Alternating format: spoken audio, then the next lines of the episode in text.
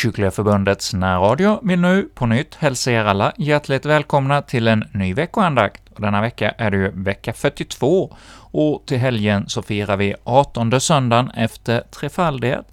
Och denna gång är det Tobias Olsson, präst i Mariakyrkan i Uddevalla, en del av missionsprovinsen Sverige, som kommer att leda vår andakt här i radion.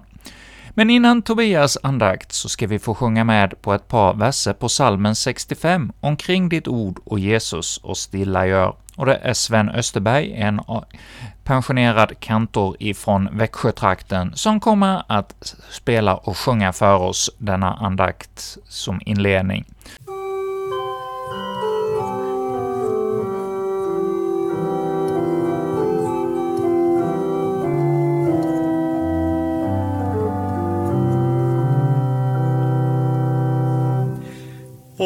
Omkring ditt ord, o Jesus, och stilla gör och fram till livets tjänst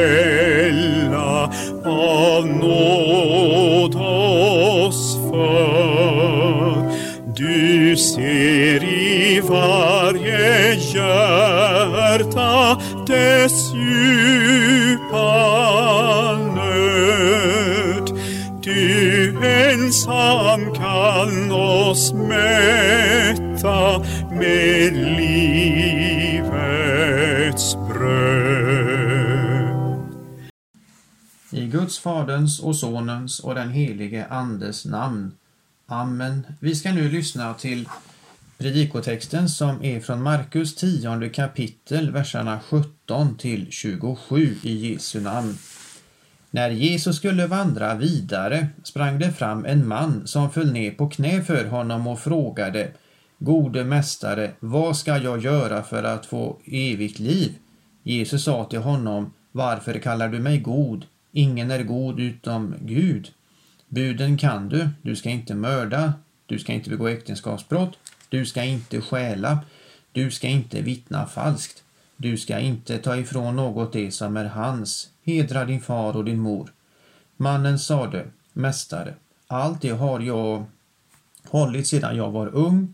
Jesus såg på honom med kärlek och sade, ett saknas dig, gå och sälj allt du äger och ge till de fattiga, så kommer du att ha en skatt i himlen. Kom sedan och följ mig.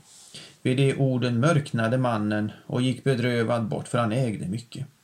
Jesus såg sig omkring och sa till sina lärjungar, hur svårt är det inte för dem som har pengar att komma in i Guds rike? Lärjungarna blev förskräckta över hans ord, men Jesus sa än en gång till dem, mina barn, hur svårt är det inte att komma in i Guds rike? Det är lättare för en kamel att komma igenom ett synåsöga än för en rik att komma in i Guds rike. Då blev de ännu mer förskräckta och sa till varandra, vem kan då bli frälst? Jesus såg på dem och sade, för människor är det omöjligt, men inte för Gud. För Gud är allting möjligt. Amen. Och innan vi ska lyssna till denna predikan så ber vi. O Fader vår, barmhärtig god, som oss till dig vill kalla och stänka oss med Kristi blod som rena kan oss alla. Låt komma Gud till oss ditt ord, det heliga och klara. Låt det i mörkret på vår jord en ledare oss vara, att vi ej vilse fara. Amen. I Markus 10 kapitel, eh, verserna 13 till 16 står det så här. Man bar fram små barn till Jesus för att han skulle röra vid dem, men lärjungarna visade bort dem. När Jesus såg det blev han upprörd och sade till dem, låt barnen komma till mig och hindra dem inte, ty Guds rike tillhör sådana. Amen säger jag er, den som inte tar emot Guds rike som ett barn kommer aldrig dit in. Och han tog dem i famnen, lade händerna på dem och välsignade dem. Detta är stycket före dagens evangelietext och eh, orden här från Markus brukar man läsa upp vid dop. Prästen säger ju Låt oss höra evangeliet om Jesus och barnen och texten från Markus läses upp såsom instiftelseord för dopet och sedan säger prästen Så vill vi göra med detta barn som vi nämner vid namn. Och så fortsätter dopakten. I instiftelseorden till dopet sa Jesus den som inte tar emot Guds rike som ett barn kommer aldrig dit in. Vad Jesus gör är att han sätter fingret på en öm punkt hos människan, nämligen egenrättfärdigheten. Detta att människan av sig själv tror sig kunna bli ett Guds barn utan att ta emot Guds nåd i Jesus Kristus. De som är äldre är kanske mer vana att tala om att vara förmäten. Jesus syftar inte på att barn eller vuxna ska gå in i en slags barnslighet när han talade om att ta emot Guds rike som ett barn, utan tanken ligger i barnets oförmåga att klara sig själv. Sådan är människans ställning inför Gud. Men i detta tillstånd har inte människan lämnats ensam utan Gud har visat sin nåd och barmhärtighet mot oss människor genom att Jesus har gått in och fullgjort vad vi inte klarade av. Detta har Jesus fullbordat och bringat försoning för oss människor genom sin död och uppståndelse. Det finns ett nytt liv för människan att söka, ett liv som för oss in i relation med Gud och in i evigheten. Men, alltid detta men, detta nya liv får vi ta emot gratis utan att behöva göra något. Vi får ta emot vad Gud har gett oss.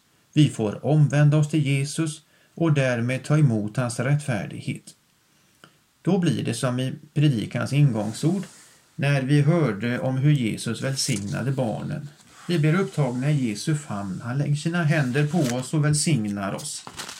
Och detta är kyrkans uppdrag eller uppgift att döpa, välsigna och lära människorna att hålla allt vad Jesus har sagt. Ett annat ord för den enskilda församlingen är här mission. Till detta med mission hör att aldrig slå sig till ro här på jorden, utan vi får vara trogna, be och arbeta, att vara i rörelse. I dagens predikotext får vi en anvisning om detta och den kommer direkt efter att Jesus välsignat barnen. Orden började när Jesus fortsatte sin vandring. Detta är något mycket vanligt i Nya testamentet, att Guds budskap om möjligheten till barnaskap hos Gud genom omvändelse och tro på Jesus erbjuds människor. Vi får exempel på det här i evangelierna, hur Jesus är på vandring. Läser ni i apostlärningarna har vi alla resor. Och ser vi på kyrkans uppdrag, evangeliet, så är det rullning.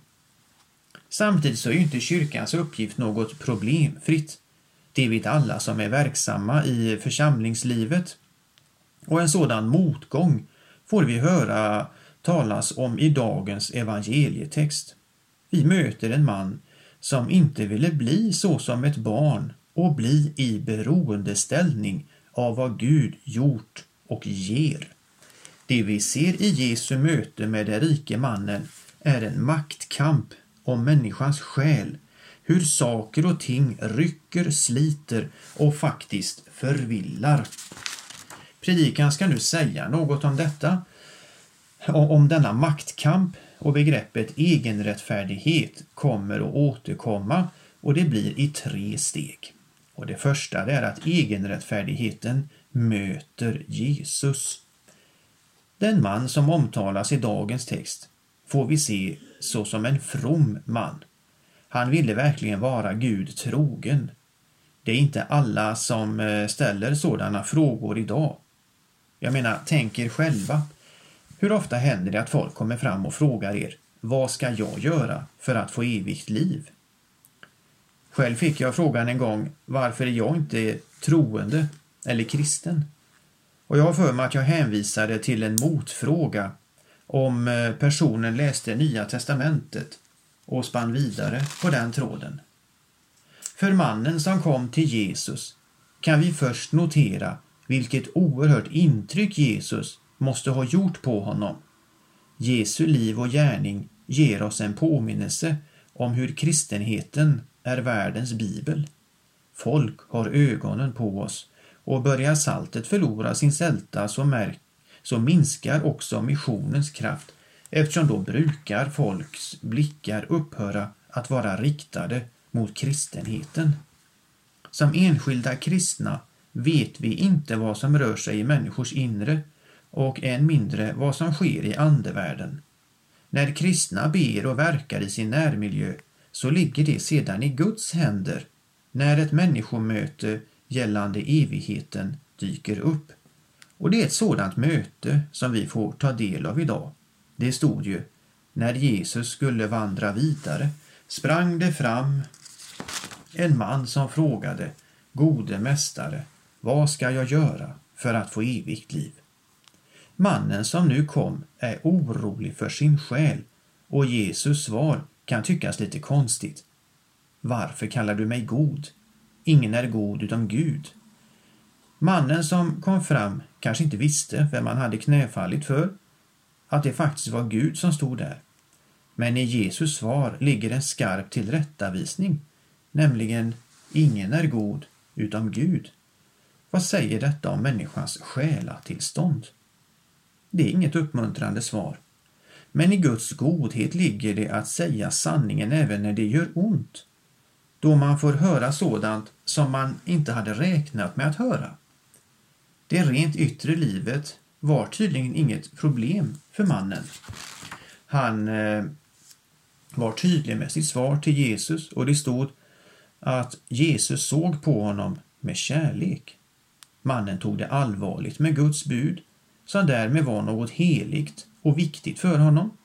Gud var en verklighet för mannen och utifrån hans livssträvan och allvarsamhet inför den högste får vi se att han var from.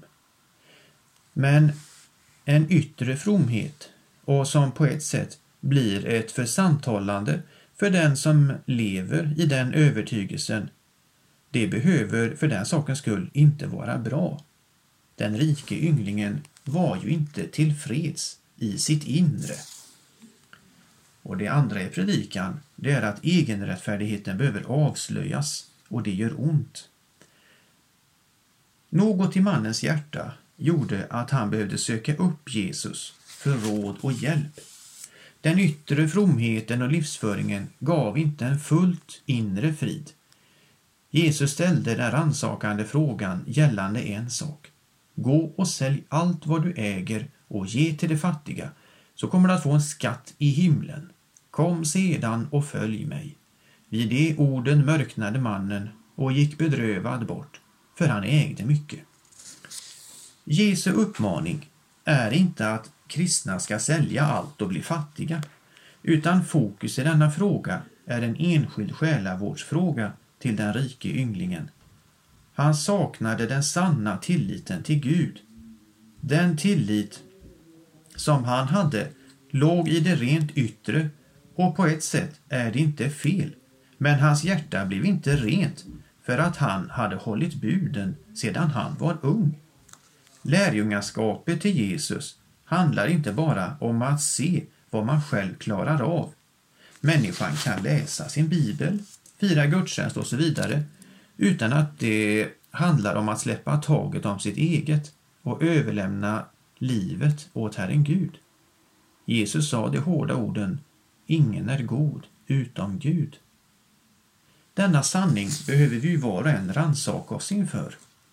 När vi söker Gud, står inför honom, kommer vi då med egna bedrifter eller sätter vi vår tillit endast till honom? Eller önskar vi ha kvar något av vårt eget som en garanti ifall inte Gud hjälper? Till exempel pengar som det handlar om i texten.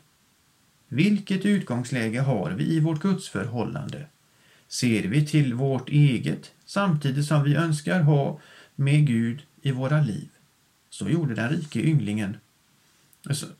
Eller har vi barnets utgångsläge, att vi är i behov?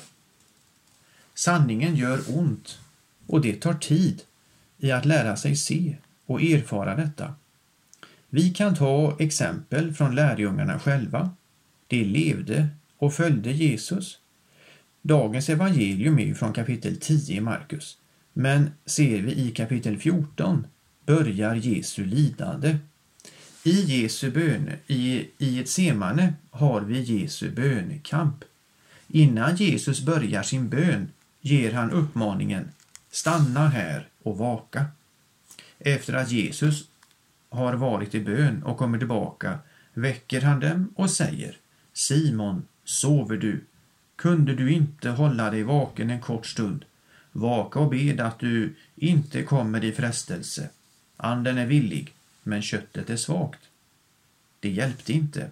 Tre gånger somnade lärjungarna. Och när Jesus grips läser vi Då övergav alla honom och flydde. Sedan har vi Jesu profetia om hur Petrus skulle förneka sin mästare innan tuppen gol två gånger.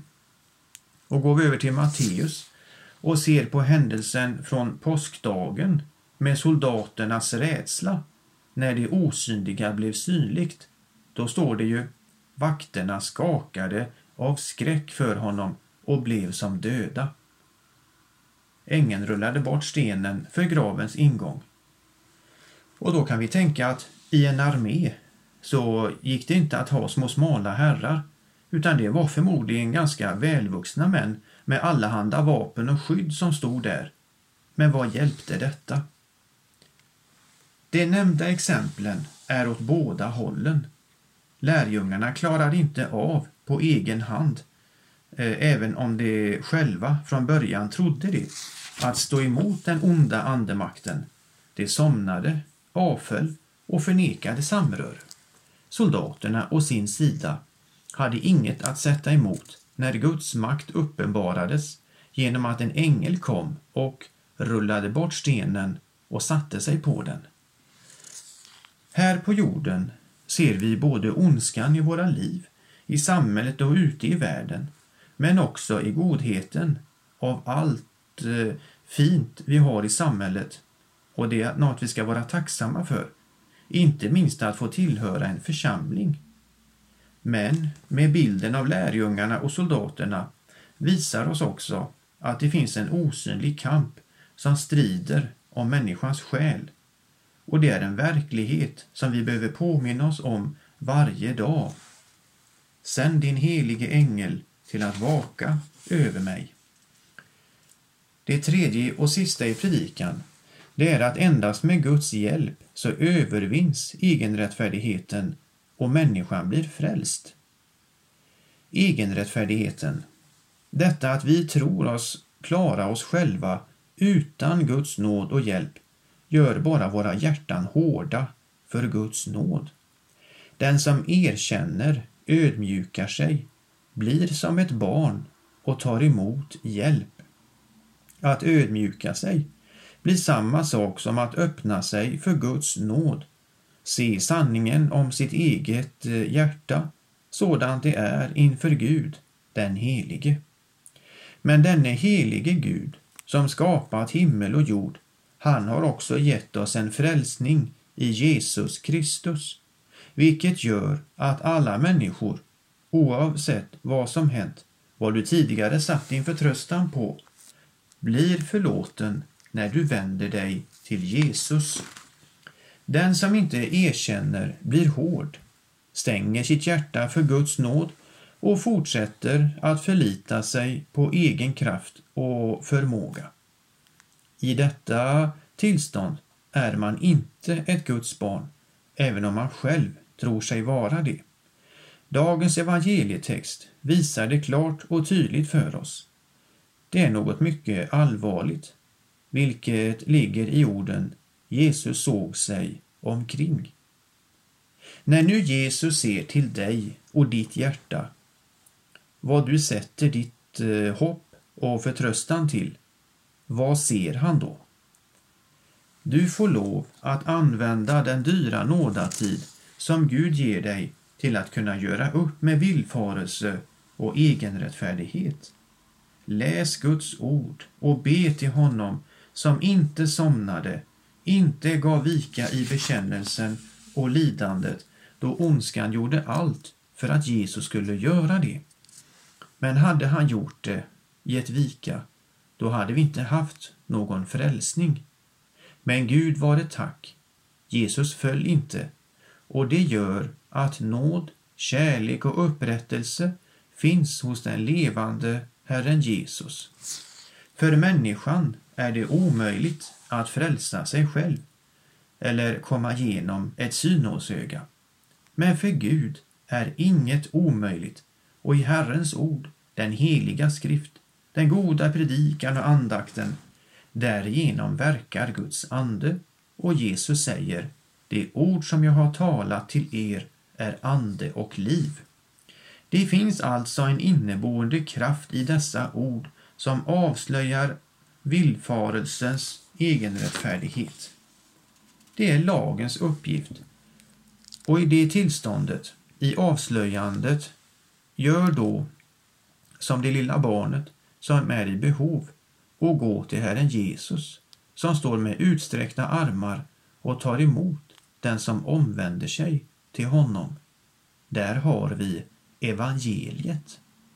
Vetskapen om felsteg är en sak, men att gå till Herren Jesus och börja om igen, det är en helt annan sak. Gör nu inte som den rike ynglingen, utan ta emot frälsningen som Gud gett oss genom tro på Jesus Kristus. Så har vi nu fått höra om hur Jesus ställde barnet framför oss och visade oss på dess behov av hjälp och att han uppmanade oss att bli som ett barn för att eh, kunna komma in i Guds rike.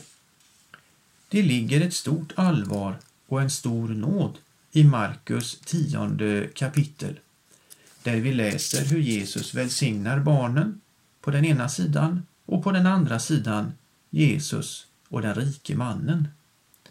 Dessa två berättelser ställs emot oss människor och visar oss verkligheten om vår själ och vilken maktkamp det är om människans själ. Antingen stannar man vid hur Jesus välsignar barnen och ser glädjen i den berättelsen och bryr sig inte om något mer. Men när Jesus fortsätter sin vandring så vill du följa med på den vandringen kommer också en annan verklighet att uppenbaras. Egenrättfärdigheten möter Jesus. I det mötet avslöjas den, vilket gör ont och slutligen, endast med Guds hjälp, övervinns egenrättfärdigheten eller förmätenheten och människan blir frälst. Ty för Gud är allting möjligt. Amen. Låt oss bedja. Herre, vår Gud, tack. Vi tackar dig för att vi har fått se och höra verkligheten om oss själva. Fyll oss var och en med din helige Ande. Hjälp oss att inte vara stora i oss själva, utan istället ha barnets perspektiv framför oss och att sätta vår tro och förtröstan till din nåd i Jesus Kristus, vår Herre. Amen. Och så kan vi gemensamt be Herrens bön. Fader vår som är i himmelen. Helgat varde ditt namn. Tillkommer ditt rike. Ske din vilja, så som i himmelen, så och på jorden. Vårt dagliga bröd giv oss idag och förlåt oss våra skulder, såsom och vi förlåta dem oss skyldiga äro. Och inled oss inte i frestelse, utan fräls oss ifrån ondo, ty riket är ditt och makten och härligheten i evighet. Amen. Tag emot Herrens välsignelse. Herren välsigne er och bevare er. Herren låte sitt ansikte lysa över er och vare er nådig. Herren vände sitt ansikte till er och give er frid i Faderns och Sonens och den helige Andes namn. Amen. Och så avslutar vi med salmen 530.